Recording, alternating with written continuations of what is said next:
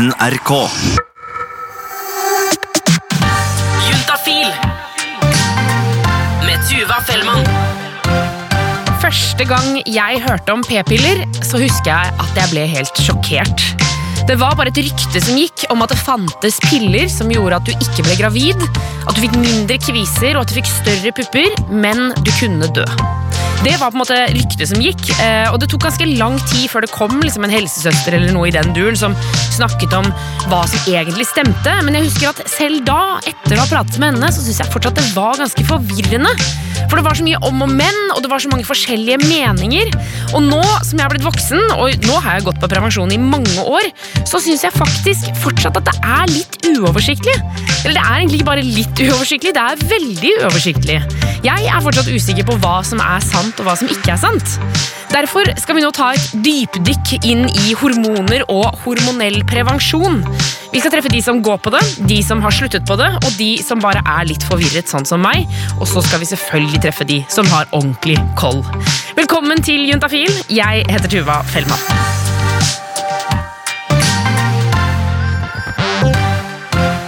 Vi er på kjærestetur, jeg og kjæresten min, i Berlin. Og det er, stemninga er veldig fin. Det er egentlig en sånn Vi gleder oss til å se Berlin. Fyren som snakker her, er Erik. Han er snart 30 år og skal nå fortelle deg om en ganske intens opplevelse han har hatt. Og vi sitter på den hotellfrokosten, og så kjenner jeg liksom bare I hele kroppen at nå vil jeg ligge med deg. At man har lyst til å ligge med kjæresten din, det er jo på en måte ikke noe spesielt, men bare, det var, jeg er ganske sikker på at det var noe helt spesielt. da. Og så var kroppen min så at jeg var sånn, jeg tror jeg var litt sånn flau. Så gira var jeg. Sånn at det var, Vi spiste, og så skulle vi opp og bare ta på oss noen klær for å dra ut, men det, det var ikke aktuelt. Så der ehm, gikk det unna. Det bare alltid gikk av seg selv. Uh, I vinduskarmen der, med fin utsikt. Jeg tror ikke liksom, Det var utsikt over byen vi kikka mest på, men det var liksom bare sånn jeg, var ble liksom, Når jeg tenkte på noe så er jeg flau. Jeg følte meg som et dyr liksom, som bare fulgte instinkter. Og uh, det uh, jeg, Det måtte, ble jo litt sånn amputert fordi kjæresten min går vanligvis på p-piller, og det gjorde hun ikke akkurat da. Av ymse årsaker. Eh, så da blir det jo litt sånn hoppa i svingen, og så videre. Uh, og jeg, vi tenkte ikke noe mer over det. Etterpå så var begge to bare Shit, hva skjedde der? Eh, Det Jo ja, gikk unna. Eh, skal vi stikke og se Berlin, eller? Så det er akkurat det som skjer. Kjæresteparet går ut og ser Berlin. De melder om at det er en flott by, og at stemningen er god hele turen gjennom. Og så skjer det jo det at vi kommer hjem, og så finner ut at hun er jo gravid. Når man drar på første ultralyd, altså først sier jo kroppen fra at hei, her er det ikke sånn det pleier å være, og så man, tar man gjerne en test, og så oi, shit, yes! Og da var det jo, tenker vi bare på det, liksom, at oi, nå blir det forandring. Det var ikke helt etter planen, kan du si, men det blir helt rått. Og så kommer man til første ultralyd, og da, det er helt vilt. På den dataen, jeg ser bare tåke som virrer, men han måler og måler, og så måler han da lengden på lårbeinet, og da får du eksakt dato det skjedde. Det skjedde den dagen, og vi regner, å ja, ja, ja, det var på den Berlin-turen, og så ser vi på hverandre, og begge skjønner på likt, og bare, ja, det var da! Og det, jeg er skråsikker den dag i dag på at kroppen hennes sendte ut signaler om at her skal det skje noe greier her, så skal det skje nå. Og når Erik sier 'sender ut noen greier', så er det hormoner han tenker på. Det var rett og slett var eh, naturen som eh, tok over. Eh, anstendighet. Og kjørte løpet, og det blei da formering. Det her er jo ganske fint å tenke på. Tenk om det stemmer at kroppen på en måte bare tar ansvar for formeringen. Så slipper jo vi å tenke, og den gjør bare som den vil. Spørsmålet er jo er det sånn at kroppene våre sender ut signaler til andre kropper som gjør de kåte, som gjør at vi ligger sammen, og så formerer vi oss? Det er ikke umulig. Det her er Kaveh Rashidi. Han er lege og forfatter og kan mye om hormoner. Først og fremst tenker jeg, veit han at hun har slutta på p-pillene? For, for uh, hvis hun hadde gjort dette litt i skjul, så kunne man på en måte ha testa han. For å se om det bare er oppi huet hans, eller om det faktisk er noe han føler. Um, men p-piller kan gi psykiske symptomer eller bivirkninger, det. Man kan endre personlighet, man kan få humørsvingning, man kan få depresjoner. Det finnes bivirkninger, og så finnes det andre veien. Det er andre som får humøret sitt stabilisert når de begynner å bruke p-piller. Som får bedre sex, mer sexlyst, som får bedre sexliv. Ehm, Det kan slå ut begge veier, det. Så når hun slutter, så kan det være Jeg bare ser for meg at det er noe sånn oppblomstring i noen greier som sier sånn Nå er jeg klar! Nå kan det bli barn! Det er sikkert noe evolusjonistisk bak det også. Altså, Et eller annet i han trigges i å vite at dette er en fruktbar kvinne. Nei, det er ikke godt å si. Jeg tror ikke, altså, Han hadde ikke klart å spotte kvinnene som ikke står på prevensjon på gata. på en måte. De sender ikke ut noen sånn luktstoffer eller noe som gjør menn kåte. De gjør ikke det, liksom. Nei, nei. Åh, men det hadde ikke forundra meg hvis det var sånn.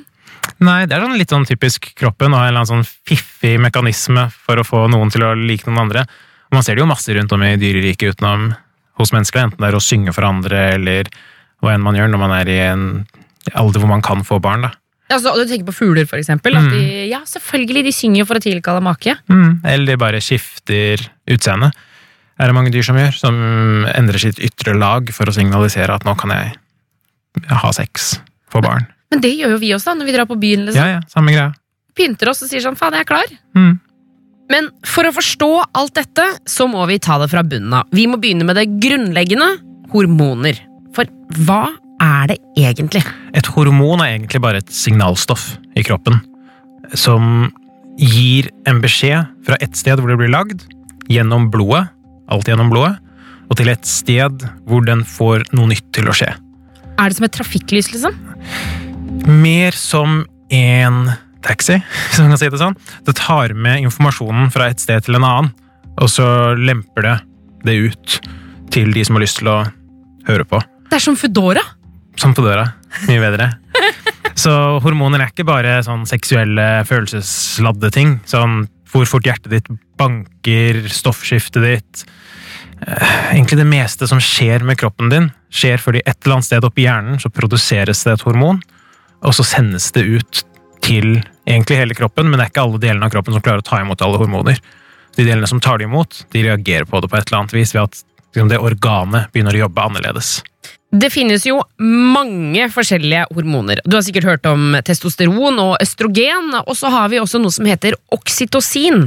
Ja, Det er også et hormon. det er også et hormon. Hva gjør det? Masse forskjellig. Mm, Det løses ut når du er lykkelig, kroppskontakt, den slags, og så, litt avhengig av når i livet du er også. Er du en ammende kvinne, så vil oksytocin gjøre at melk kommer ut av brystene dine. Så hvis du sliter med å amme, så har man oksytocin nesespray, og så går det instantly inn til brystene, og bare får ut melka. Hæ?! Mm. Er det hormonnesespray, liksom? Det er hormonnesespray. Men ellers er oksytocin litt sånn tricky, for den brukes litt i alt mulig slags ting. Så hvis du er forelska, så har du oksytocin. Hvis du er glad, så har du oksytocin. Det er veldig sånn Det styrer mye følelser. Nettopp. Jeg har hørt at folk har kalt det for kjærlighetshormonet. Mm. Er det riktig? Ja, men kjærlighet er kompleks. Du kan være forelska og ha kjærlighet uten oksytocin. Og du kan ha oksytocinnesesprayen hjemme og sprute på, men ikke bli forelska i noen av den Og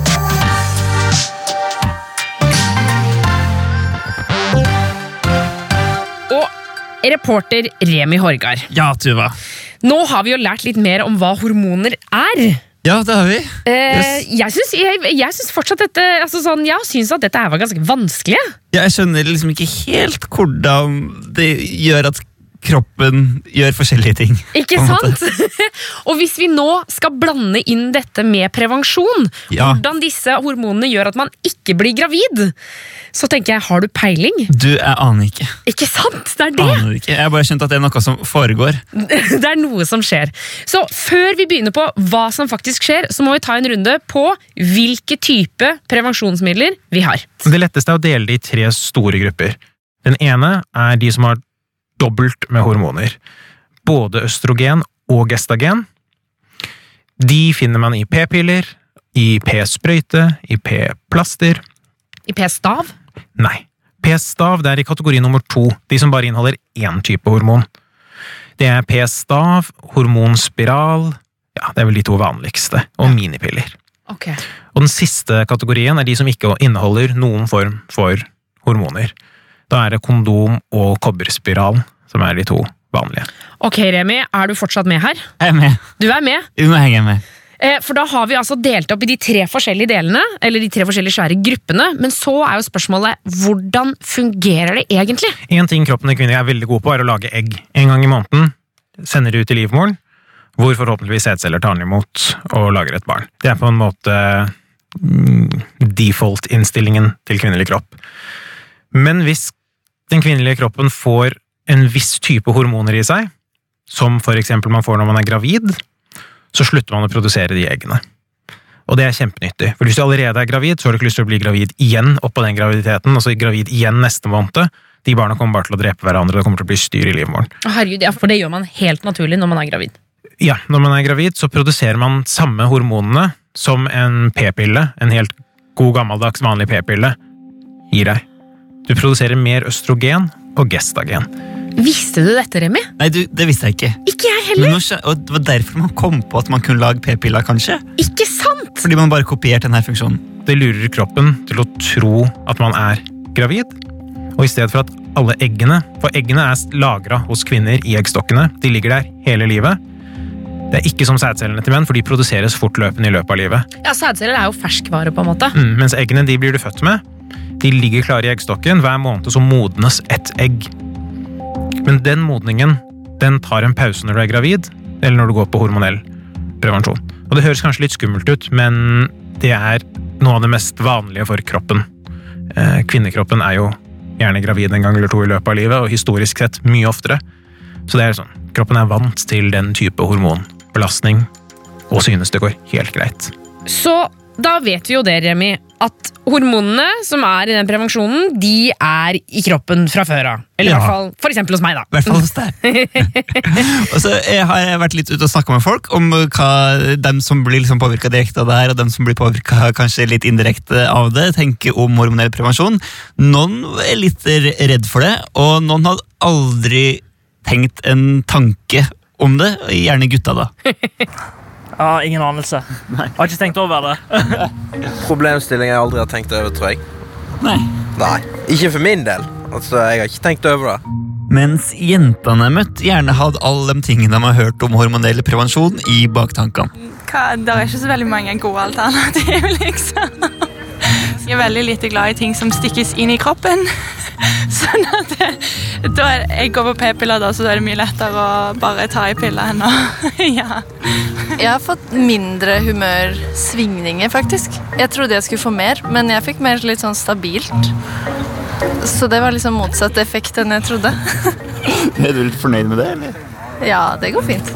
Jeg stoler på at det går bra, fordi det har jo utvikla seg over mange år. Så jeg håper jo Altså, jeg stoler jo på at forskninga som sier at vi har lov å bruke det, er eh, grundig nok, da. Men det er jo noe jeg tenker på.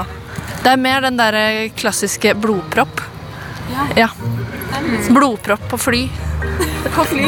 Ja, den derre Den avisoverskriften som kommer i ny og ne med sånn Gikk på p-piller, blodpropp og fly-opplegg. Men eh, det tror jeg er mer irrasjonelt, kanskje. Det finnes jo alternativer. Eh, Jeg heter Ida Madsen Hestmann, eh, og jeg bruker kobberspiral.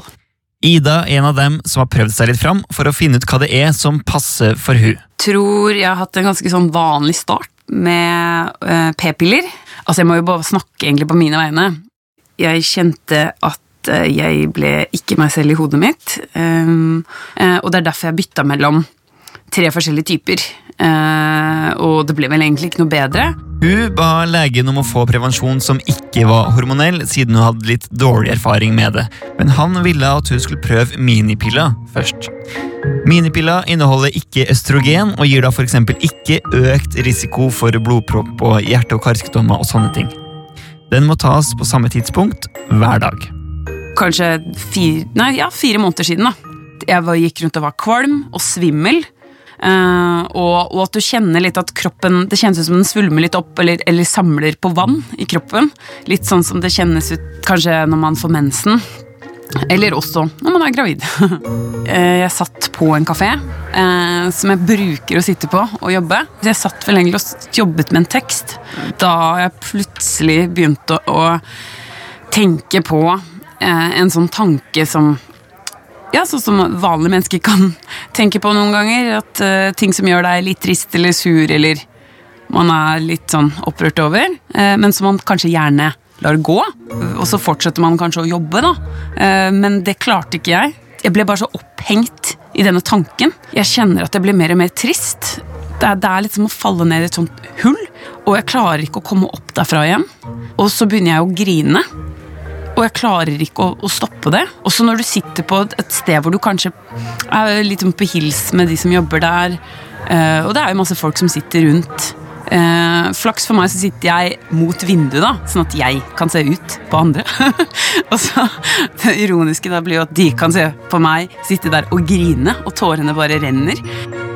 Jeg gikk rett på apoteket, som da var rett over gata, eh, og måtte spørre de farmasøytene som jobba der, eh, mens jeg da griner, og det renner fra, fra hele trynet mitt, og jeg peker med fingra mot fjeset mitt og bare 'se her', kan du være så snill sjekke opp disse bivirkningene på disse minipillene?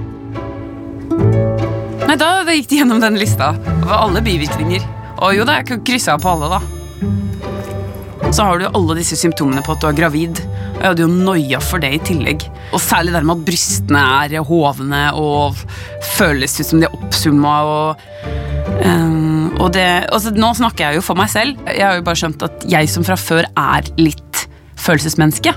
Som kan bli fort litt sint eller bli fort glad og rørt. For meg så bare det eskalerer. Så da bestemte Ida seg for å få kobberspiral. Helt uten hormoner. og fikk vite via en venninne av meg som har vært gravid, og at det er en til kobberspiral som ikke har bivirkninger, som eksempel eh, det man leser om, om kobberspiral, som er større blødninger, eksempel. Eh, jeg måtte ta inn en vanlig kobberspiral, fordi eh, man må ha litt tykke livmorvegger, har jeg skjønt, for å sette inn den, den nyere kobberspiralen på ultralyd, eh, for det måtte jeg ta først. Da fikk jeg vite at jeg, jeg har ikke en livmor som er tilpassa eh, den nyere kobberspiralen, så da kunne jeg velge, da. Hormonspiral eller kobberspiral. Null betenkningstid. Men jeg fikk, fikk liksom bare ropt inn kjæresten min, så han kunne sitte ved siden av og holde meg i hånda, mens hun, eh, gynekologen satte inn den kobberspiralen. da. Hvordan var det? Ja, hvordan var det?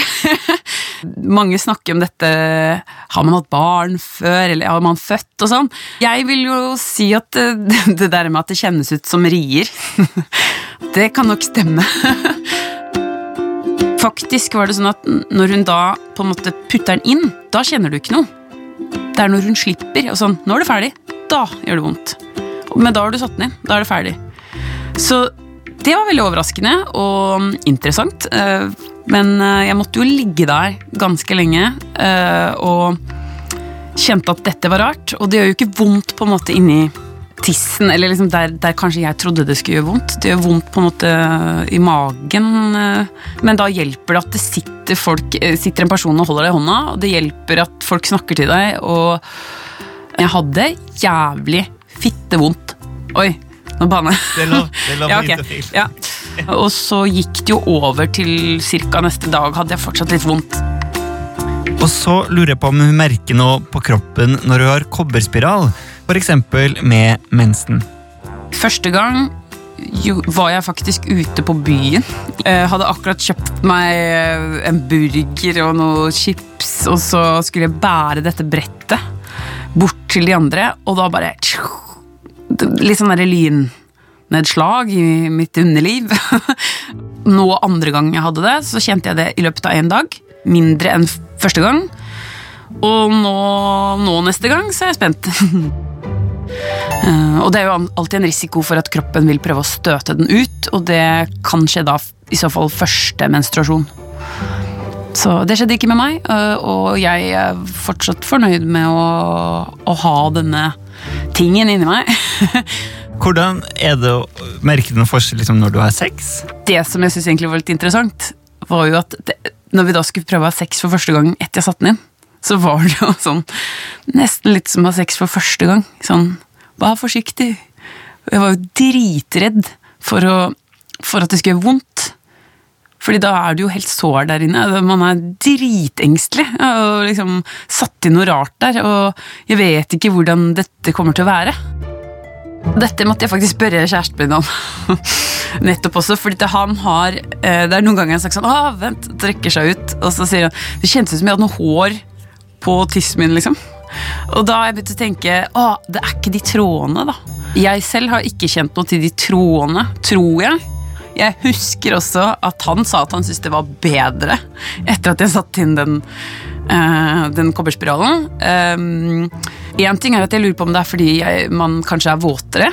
Og det kan jo ha noe med at underlivet prøver å tilpasse seg litt. da. Jeg føler meg faktisk mer sensitiv, eh, og jeg vet ikke om det kommer til å endre seg. Og jeg, mm, nå er det jo ikke så lenge siden jeg satte den inn. da. Det, det føles litt mer sensitivt. Juntafil. Sex, kropp og følelser. Send inn spørsmål på juntafil.no. Ok, Remi, så da vet vi jo at hvis man for eksempel ikke vil ha hormoner, så høres det ut som at kobberspiral eh, har en liten eh, smerterunde der, men så er det helt tipp topp. Ja, Hun er i hvert fall veldig fornøyd, hun Ida. Eh, Og så er det sett på noen andre alternativ også, for det finnes jo veldig mye der ute. Eksempel p-stav. Jeg heter Jasmin, og jeg bruker p-stav. Men Jasmin starta på p-pilla, og det fungerte egentlig helt fint, bortsett fra én ting. Jeg er veldig um, Hva heter det? Forgetful. Så det var spennende til å begynne med, men så, ja, så var det ikke så gøy lenger. Det var en gang i sommerferien hvor jeg eh, ble med en fyr hjem. da. Altså Han spurte jo om jeg, om jeg gikk på noe, og så sa jeg at ja, jeg gjør det, men jeg har faktisk glemt å ta i dag. Ja. Så, så han hadde ikke noe kondom eller noen ting, så det passa jo litt dårlig. Da kunne jeg jo ikke ha sex, plutselig. Da uh, hadde jeg fått høre fra en venninne at hun hadde tatt p-stav. Og Jasmin bestemte seg for å gjøre det samme. Nei, altså jeg fikk eh, bedøvelsessprøyte først, uh, mener jeg husker. Og så fikk jeg beskjed om å ikke se på det, fordi det tydeligvis så ganske ille ut. Uh, Venninnen min var med meg, så hun så jo alt sammen. Hun fortalte at uh, uh, det var en sånn klype på en måte som løftet opp huden min. Og så ble den uh, satt inn da, på den måten. og Jeg var ganske glad for at jeg ikke så det. Den ble satt i den venstre armen min på undersiden av armen. Ja, hva blir det? Bicepen? Ja, opp mot skuldra, liksom. Mm, oppi der. Eh, Jeg har et lite arr der, da, men det er ikke så stort. Og det, ja, det går veldig fint. Men man kjenner det hvis man tar på det. liksom Ikke hvordan jeg skal forklare det, men jeg følte meg mer voksen. Jeg følte at nå på en måte har jeg kontroll over eh, sexlivet mitt litt mer. Og kort tid etter så reiste Jasmin til USA for å gå på skole der, og der var p-stav ukjent for de fleste. De fleste av dem hadde ikke nesten hørt om det engang. Eh, fordi eh, sex education i USA er veldig Altså i hvert fall der jeg var, som var veldig sånn konservativ kristent sted. eh, der var det mer sånn bare ikke ha sex. Det var på en måte den eneste sex education de hadde. da Så abstinence, på en måte. Det var det eneste de snakket om der. Så det var en fyr som eh, gikk på cheerleading-laget, da. Og øh, han var sånn, veldig kjekk og skikkelig sånn jock på skolen. Da, rett og slett. Veldig sånn typisk amerikansk øh, setting. Eh, han bare regnet med at jeg på en måte var sikker på en eller annen måte, og så fant han ikke fram en kondom engang. Og det var egentlig, egentlig det. Vi snakket aldri sammen igjen. Så du, du, du sa ingenting om p-staven og måtte ikke forklare den, liksom? Nei, var, jeg tenkte ikke sånn veldig mye på det der og da. Uh, på en måte litt frigjørende å vite at man er så å si ganske trygg hvis noe skulle skje. da. Um, og så har jeg ikke egentlig hatt noen negative bivirkninger.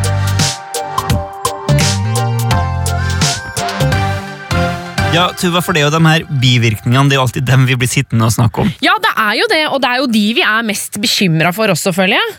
Um, så jeg tenkte vi skal ta en eh, runde tilbake til Kaveh Rashidi, uh, for jeg har nå altså stacka sjekka opp alle de typiske spørsmålene vi får inn til Juntafil. Um, og eh, så kan vi jo legge til at uh, tradisjonelt sett, hvis vi kan bruke det ordet, så har det vært p-piller som har det vært liksom det mest populære hormonelle prevensjonsmiddelet blant unge. Der er det nok en endring på vei, men allikevel, uh, fordi folk begynner jo da, sånn som vi hørte nå, å bruke andre ting, men allikevel så tenker jeg at vi må jo begynne på denne berømte pilla. Eh, Helt vanlige p-piller inneholder jo to hormoner, østrogen og gestagen. De vanligste bivirkningene er veldig forbigående, kortvarige. Eh, Man kan ha en kort periode med humørsvingninger, vektoppgang, endringer i menstruasjon, eh, men sånne ting går bort. De fleste som bruker p-piller daglig, har ingen bivirkninger. Og så er det så utrolig individuelt. Det er ikke en sånn medisin som har én type bivirkning som er kjempevanlig. Så man kan ikke skjære alle over en kam, hvis det er det det heter. Ehm, man må nesten teste det ut for seg sjøl og se hvordan ens egen kropp reagerer. Med unntak av de få farlige bivirkningene. Hos noen mennesker så kan det føre til økt sjanse for blodpropp, men det er sånn legen sjekker før du får det. Hvis du har hatt blodpropp før, hvis du røyker. Eh, og så kan det forverre migrene. Så det er en type migrene. Hvis man har den, så kan man unngå å bruke vanlige p-piller. Vi i Juntafil pleier ofte å si at du må gi kroppen noen måneder for å bli vant til prevensjonsmiddelet ditt. Altså tar vi høyde for at du kan oppleve bivirkninger i starten, men at de vil gi seg etter hvert. Men når jeg går inn på forskjellige forum og nettsaker, så dukker av og til ordet depresjon opp. Og da er det noen som skriver at ja, det er helt sant, man kan bli deprimert av p-piller, mens andre sier at dette stemmer ikke. Og da lurer jeg på, hva slags forskning har vi egentlig på dette? Veldig lite god nok forskning. Og man kan ikke si noe helt sikkert om det forårsaker det ene eller det andre. Det vi vet, er at noen mennesker, noen kvinner, føler seg mer deprimerte av det. Men det er ikke en varig endring i kroppen, så hvis man er så uheldig å få en sånn bivirkning av å bruke p-piller, så bare slutter man på det. De stoffene er ute av kroppen på noen få dager, og så er det tilbake til det normale. Og så kan det gå andre veien også. Altså P-piller kan like godt gi positive psykiske symptomer. Man kan like gjerne få et økt stemningsleie, man kan få mer energi. Det er ikke noe som tilsier at det må være noe negativt, bare fordi det kommer noe utenfra inn i kroppen din. Men, men i alt dette her, da når man, ikke sant, En ting er at det er noen positive ting som kan skje, men det er noe negativt. Da får, kan man jo få igjen den der følelsen av bare Men her kludrer man til noe som kroppen skal ordne sjøl. Hvis du skjønner hva jeg mener? Ja, kroppen skal jo bli gravid, da. Det er på en måte jobben til kvinnekroppen. Biologisk. Så hvis du ikke vil klusse til det, så, så er du nesten nødt til å bli gravid når du har samleie, for det er konsekvensen. Og så er det om å finne minste motstands måte å unngå det på, da. Kan du liksom skjønne at folk er bekymra for å gå på denne hormonelle prevensjonen?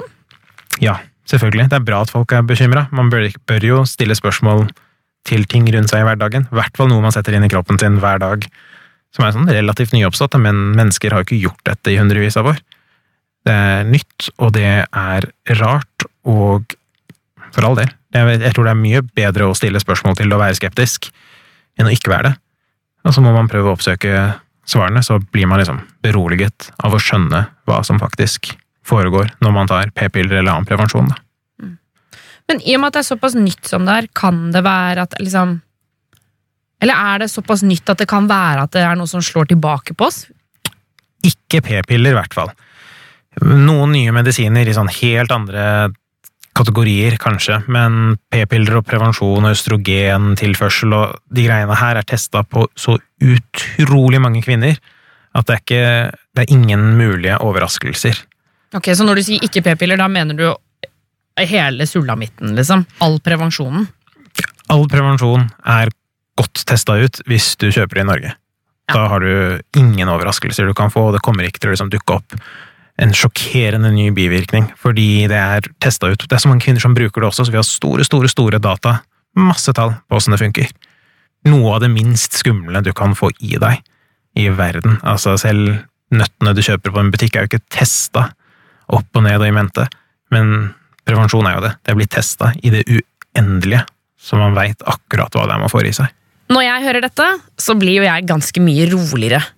Men allikevel så har jeg fortsatt lyst til å spørre om alle disse småtingene, disse utsagnene, mytene eller sannhetene som jeg alltid har hørt om hormonell prevensjon. Er det sant at man blir mindre kåt av p-piller? Nei. Noen kan bli mindre kåte av p-piller, men det er ikke en sannhet at du som kvinne blir det. Det er i hvert fall ikke sånn at alle blir det. Det er de, en kjempesjelden bivirkning. Så man kan bli det, men det er usannsynlig. Er det sant at man legger på seg p-piller? Man kan få mer vannopptak i forskjellige celler i kroppen. Så man kan legge på seg i form av at kroppen tar til seg mer væske, mer vann. Men man blir ikke feitere av det. Man får ikke noe mer fett på kroppen. En kjent, gammel myte. Eh, Folk som begynner å bruke p-piller, gjør det ofte i en periode hvor de kommer inn i faste forhold. Og det å være i et fast forhold, det vet vi gjør at folk legger på seg. Er, er det det det gjør, liksom? Det, det gjør det utvilsomt. Sånn er det. Og så skjer det samtidig med p-piller, så er det litt vanskelig å vite hvem man skal gi skylda til. Det er Netflix og godteri og potetgull som er synderen, ikke p-pillene. Fordi, men det er vel kanskje noe med den perioden hvor man begynner på prevensjon for første gang, så er det jo også mye annet som skjer. Ja, men kroppen vokser jo gjerne også i den perioden. Kave sier videre at det er ikke bare voksing som skjer i den typiske perioden hvor folk begynner på p-piller for første gang. Hvis man tar alderen fra si 13 til 18, så er det også ganske mye annet som skjer med kroppen. For eksempel så får man gjerne pupper og lår. Men her er det et samspill, da. Noe av det er faktisk endring i kroppen, og veldig mye av det er ting man tror, men som, og som man tror at man merker, men som egentlig, sånn objektivt sett, ikke har endra seg. Hva, hva mener du med det? Et Men man kan føle at man blir tjukkere, man kan føle seg mer oppblåst, man kan føle at kroppen er større, men hvis man måler og hvis man veier, så ser man at det egentlig ikke skjedde. Men eh, fordi de gangene hvor jeg føler meg oppblåst og stor, Mm. så er jeg egentlig ikke det, liksom? Kanskje du er det, men øh, trenger ikke å være det. Det er veldig, veldig, veldig lett å føle en endring på kroppen fysisk som ikke sånn objektivt er til stede. Um, og det er litt av det med p-piller også. Og så er det litt også det at når en myte lever i samfunnet, og man hører det, så forventer man det, og da ser man det i hvert fall. Fordi alle har jo hørt det at ah, du blir feit av p-piller. Og så begynner du på p-piller, og så liksom venter du på det, og så ser du deg ekstra mye i speil, og du blir liksom oppmerksom på de valkene du alltid har hatt, eller de formene du alltid har hatt, som bare er vanlig og normalt og sunt for deg sjøl. Men så når man begynner på p-piller, kan man bli mer oppmerksomme på det. Uansett om du har bivirkninger eller ikke, og uansett hvilke type bivirkninger du har, så er det jo sånn at det er bare vi som går på hormonell prevensjon, som har muligheten til å få det. På den andre siden så gjør jo dette at vi kan ha sex uten å bli gravide, og det jeg lurer litt på, er om vi egentlig skal se på disse bivirkningene som noe vi rett og slett må ofre for å kunne ha sex uten å bli gravide. Nei, egentlig ikke, for du skal ikke ha bivirkninger heller. Har du bivirkninger, så bytter man. Eh, hvis et, en medisin gir deg bivirkninger, så bytter man til en annen medisin. Det finnes så mange typer p-piller innafor hver type p-piller. Så er det undergrupper og sidegrupper, og, og så kan man gå bort fra piller. Altså, det er så mye man kan velge mellom at hvis du tester litt ut, så kommer du til å finne en måte å ikke bli gravid på, og ikke ha noe som helst negativt på kroppen. Så du mener at det finnes et perfekt prevensjonsmiddel for alle? Ja. Det vil jeg si. Bare man Ja, ja, det fins et perfekt prevensjonsmiddel for alle. Du trekker på det. Hæ? Nei, jeg, måtte, jeg gikk litt sånn gjennom Har jeg noen gang møtt en kvinne som ikke kan ha et prevensjonsmiddel sånn oppi hodet mitt. Men det ordner seg til slutt, hos alle sammen. Hos noen er det første forsøk, klaff, alt er supert. Hos andre så tar det noen måneder og et par forskjellige ting. Så finner man ut av det. Det er ingen grunn for å bekymre seg, gitt at man stikker innom legen når man føler at et eller annet ikke stemmer. Hvis du føler at du liksom har bivirkninger, at du har vondt noe sted, at det er noe ved kroppen som ikke er som den pleier å være, ta en tur innom legen, så får man ordna på det. Um, men hvis du har lyst til å ikke bli gravid og ha sex, som jo veldig, veldig, veldig, veldig, veldig mange kvinner har lyst til, så er det lurt med prevensjon. Og avslutningsvis så spør jeg Kave hva som egentlig er bra med hormonell prevensjon, eller prevensjon generelt. Det gir deg jo valget, da. Du kan styre din egen kropp, du kan styre din egen fremtid. Du får liksom makt over noe som kvinner ikke har hatt makt over historisk sett. Du kan velge om du skal bli gravid, om du skal ha barn. På en veldig skånsom og billig måte. Eh, Det tenker jeg er det aller viktigste. Og så Ja. Er, eh, man tenker kanskje ikke så mye over det nå, fordi det er, vi er så vant med at kvinner skal kunne velge det sjøl. Men det har jo historisk sett så å si aldri vært tilfellet, og det er kjempemange land hvor kvinner bare er rene barnefabrikker. Som bare skal produsere barn for mannen og for familien, hvor kvinnen ikke er et individ. Men disse prevensjonsmidlene gir jo kvinner muligheten til å gjøre akkurat hva de vil når de vil i livet. Kanskje man har lyst til å starte med en utdannelse, starte med å jobbe, starte med å reise, gjøre andre ting øh, først, og så få barn seinere. Eh, Det er muligheter man får på grunn av prevensjonsmidler. Juntafil. Hør flere episoder i appen NRK Radio. Eller der du hører podkaster.